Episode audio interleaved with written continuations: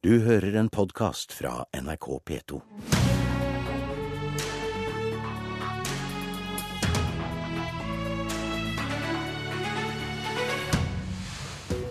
Arbeiderpartiet vil ha omkamp om kompetansekravene til lærere. Senterpartiet synes Høyre og Ap bommer begge to. Og hvordan blir den nye Oslo-skolen? Den nye utdanningsbyråden sitter klar i Politisk kvarterstudio. Velkommen hit, byråd Tone Tellevik Dahl fra Arbeiderpartiet. Tusen takk. Du skal styre Oslo-skolen i kommende periode. Hva vil du skal være den største forskjellen på Oslo-skolen slik den er i dag, og Oslo-skolen etter ei tid under nytt regime? Først vil jeg si at Oslo-skolen er ganske god. Eh, vi skal være stolt av det de over 11 000 lærerne gjør hver eneste dag for byens eh, barn. Eh, mange gode resultater har vi, men vi har selvfølgelig også flere forbedringspunkter. Vi ønsker å legge særlig vekt på tidlig innsats overfor de yngste barna.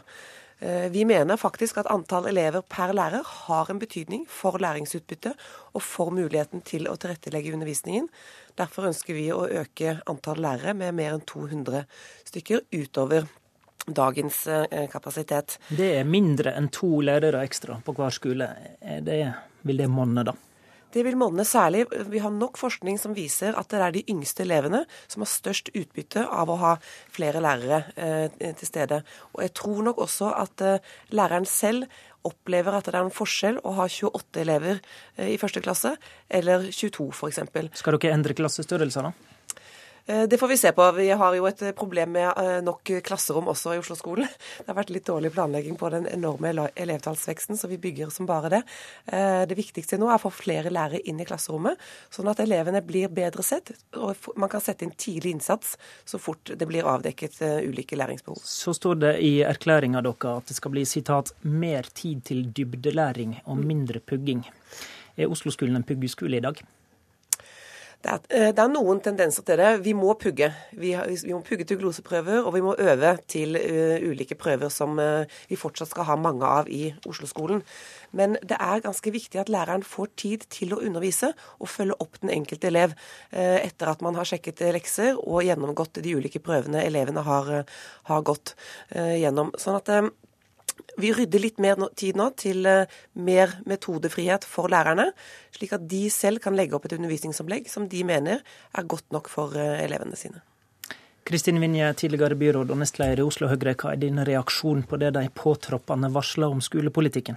Først så må jeg ønske Tone Telvikdal eh, lykke til med jobben, og gratulere med en veldig veldig spennende jobb. Og jeg må jo si at hun kommer virkelig til dekket bord denne gangen.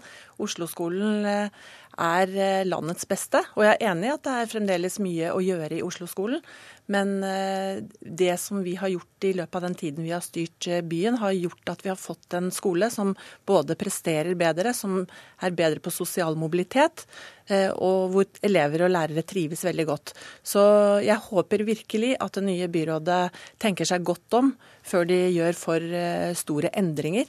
Hva er det du er redd for, da? Ja, Jeg syns f.eks. det at det står at man skal fjerne prøver eh, uten videre er eh, bekymringsfullt. Jeg syns det er pussig formulering med mer dybdelæring kontra pugging. Jeg opplever ikke at Oslo-skolen er en puggeskole. Det jeg eh, opplever, er at Oslo-skolen har jobbet systematisk med kartlegging, med klare mål, med fokus på læring.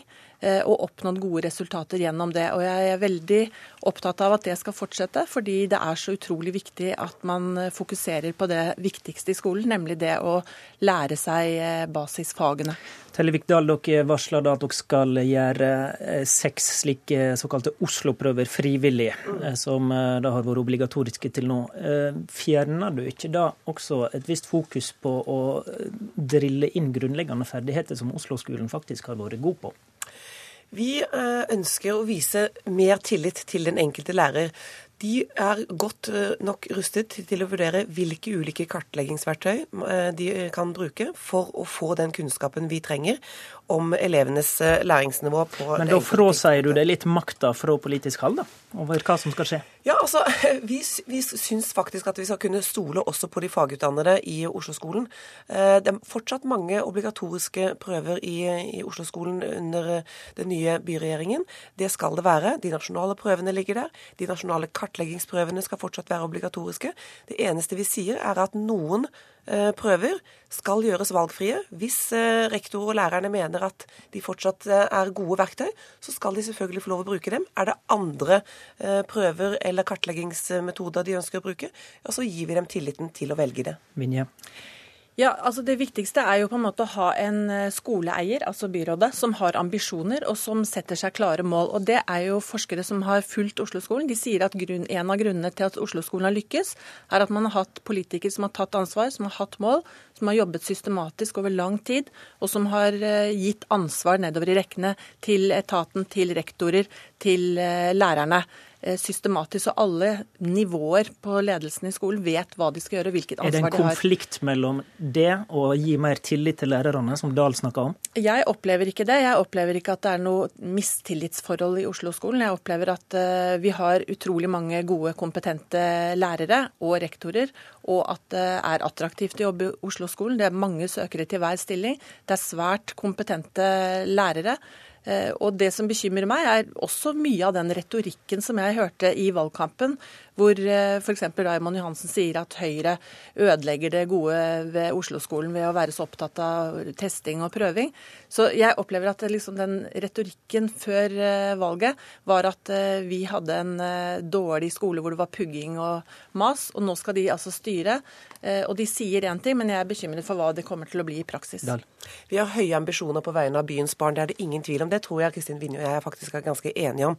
Der blir det liten endring. Og den systematiske kartleggingen som har blitt bygget opp over tid, den vil fortsette.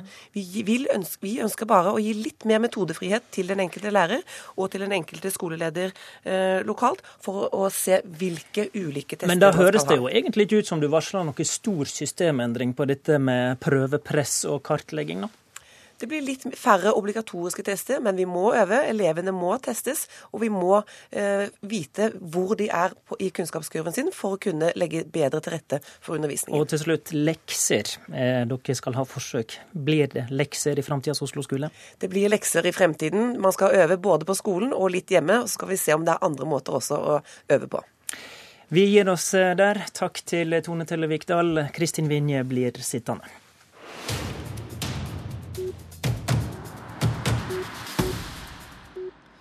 For vi skal holde fram med skolepolitikk. Diskusjonen om hva for noen kompetansekrav vi skal stille til lærerne, holder fram i Stortinget, selv om saka egentlig ble avgjort i vår. Stortinget avgjorde da at alle lærere må fylle et gitt krav om antall studiepoeng for å kunne undervise i norsk og matte på barnetrinnet og i engelsk på ungdomstrinnet. Men protestene har økt i styrke, fordi de fleste lærere som har utdanninga si fra før 2014, plutselig blir definert som ukvalifiserte. Og I går la Arbeiderpartiet fram et forslag i Stortinget som de mener vil bøte på dette absolutte kompetansekravet. Trond Giske, leder i utdanningskomiteen, hva slags ordning vil du ha? Ja, Vi ønsker jo også selvfølgelig gode lærere som har fordypning i fagene sine. Det var jo derfor vi i regjering innførte et krav om dette for alle nyansatte lærere. Eh, men den gangen mente vi, eh, som vi mener nå, at dem som allerede er utdanna, gikk inn i skolen med de reglene som var da, selvfølgelig må få fortsette i sine jobber. Og Derfor så kunne vi ikke støtte det som Høyre den gangen gikk til valg på, at man i løpet av stortingsperioden 2013-2017 skulle innføre et tilsvarende krav for alle de mange titusen lærerne i skolen som er allmennlærere som ikke har denne studiefordypninga i alle de fagene de underviser i. Og ordninga du vil ha er? Nei, Ordninga jeg vil ha er at eh, for det første, lærerne får vurdert sin realkompetanse. Det viktigste må jo være om læreren har den kompetansen som skal til. Hvis du har undervist i et fag i mange, mange år på skolen, Eh, har eh, satt deg inn i faget godt, vet hva som virker i undervisninga, så er det jo meningsløst at du skal bruke et år på studiebenken sammen med bachelorstudenter på, på høyskolen. Altså få godkjent dette uten å ta videre utdanning. Ja, godkjent hvem, det som hvem skal gi den godkjenninga? Det er vi er åpne for at det kan være ulike måter å gjøre på. Det kan være høyskolene som står for undervisning av disse fagene som gjør det. Det kan også være andre skolemyndigheter. Det bør være ubyråkratisk og enkelt. Og jeg tror egentlig også at eh, skoleeier, altså kommunene, vet ganske mye om hvilke lærere de trenger. Og her er vi også litt på ville veier når det gjelder videreutdanningsreformen. Vi støtter fullt ut å bruke en milliard i året på videreutdanning. Det gikk vi til valg på. Enstemmig vedtatt av Stortinget. Men vi må passe på at vi ikke nå lage formalistiske krav som gjør at det er det som styrer videreutdanningstilbudet, istedenfor hvilken kompetanse lærerne og skolen faktisk trenger. Kristin Vinje, utdanningskomiteen på Stortinget for Høyre. Eh, når over 30 000 lærere kan bli definert som ukvalifiserte, da er det kanskje behov for en slik alternativ løsning som Giske peker på?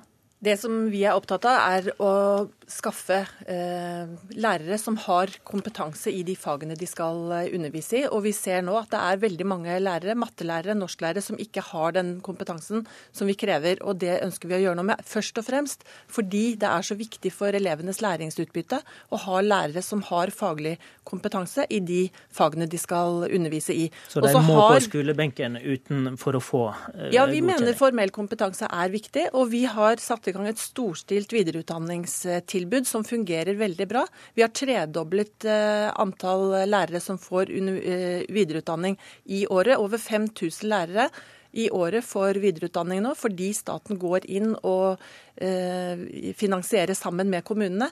Og så er det viktig å få frem for meg at er, vi stiller krav til kommunene som skoleeiere. At det er de som får nå ti år på seg til å sørge for at de lærerne som er i skolen om ti år, har vært igjennom og fått den kompetansen som skal til. Og det er viktig for meg å si at det aller eh, viktigste poenget er jo nettopp at elevene skal møte en faglig kompetent lærer, og at vi skal gi oss selv ti år til å komme dit.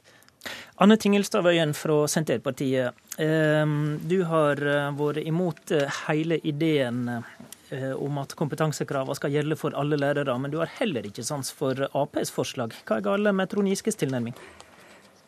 Nei, altså, Det er jo ingen eh, reell omkamp det som Arbeiderpartiet eh, tar til orde for her. Eh, jeg har ikke hørt om noen andre yrker der grunnutdanninga ikke er godkjent. Jeg har ikke hørt at journalister har det sånn, og ikke at ingeniører har det sånn. Så dette vil fortsatt være en avskilting av lærerne. Og, det er feil når det sies at, at de er imot denne endringa, for det var faktisk bare Senterpartiet som stemte imot den paragrafendringa i Stortinget. Hva er effekten av Giskes forslag slik du ser det nå? Ja, det vil bare føre til økt byråkrati. Som vi mener er helt unødvendig. Altså Den grunnutdanninga som allmennlærere har hatt, med den lange uh, undervisningserfaringa som de har, den bør vi si er god nok. Uh, og til slutt så har jeg lyst til å si at Senterpartiet kommer til å legge inn dette her i forslaget, en reversering av den endringa som var gjort. Det kommer vi til å legge inn allerede i budsjettproposisjonen. Så alle partier får lov til å, muligheten til å vise at de er imot dette uh, allerede med vedtaket som vi skal gjøre i desember. Giske. Nei, Jeg mener jo at det er bra er det som Stortinget da nesten enstemmig vedtatt, at lærere skal få mulighet til å ha fordypning i fagene sine.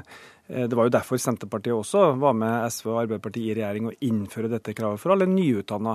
Men så er jeg helt enig i at folk som er i skolen og er kvalifisert, reelt sett, skal ikke settes på skolebenken for å få formelle studiepoeng. Det må være det reelle behovet for læreren og for skolen for videreutdanning som eh, avgjør. Og så sier Kristin Vinje at det ikke skal innføres før om ti år. Og det er fornuftig å bruke tid og ikke eh, rushe det fram til 2017, som opprinnelig var programformuleringa. Men det som er problemet som Utdanningsforbundet nå slår alarm om, er jo at kommunene allerede nå bruker denne hjemmelen til å diskvalifisere lærere, altså si at de er ufaglært, gi dem andre lønns- og arbeidsvilkår og egentlig innføre en obligatorisk videreutdanning. Hvis de gjør det, så må de betale for det. Da er det arbeidsgiver som må betale. Men det er også helt meningsløst å avskilte lærere i dag som eh, som har da ti år på seg å få denne videreutdanninga. Selv om dere har en uh, omfattende etter- og videreutdanningsreform, så har dere jo ikke gitt lærerne retten til videreutdanning. Er det det som trengs, da?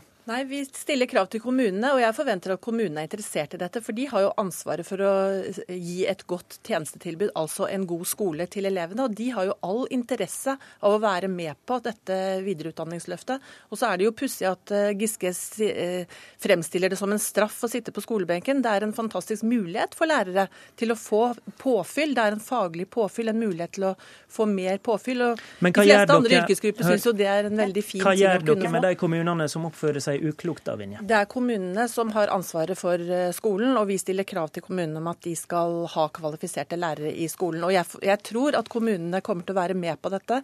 Så dette ble startet nå 1.9. Det er ingen grunn til å slå alarm én måned etter. Vi har ti år på oss. Vi vil følge nøye med hvordan dette går.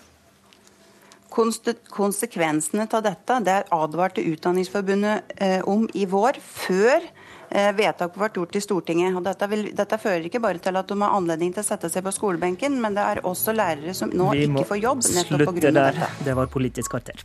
Du har hørt en podkast fra NRK P2.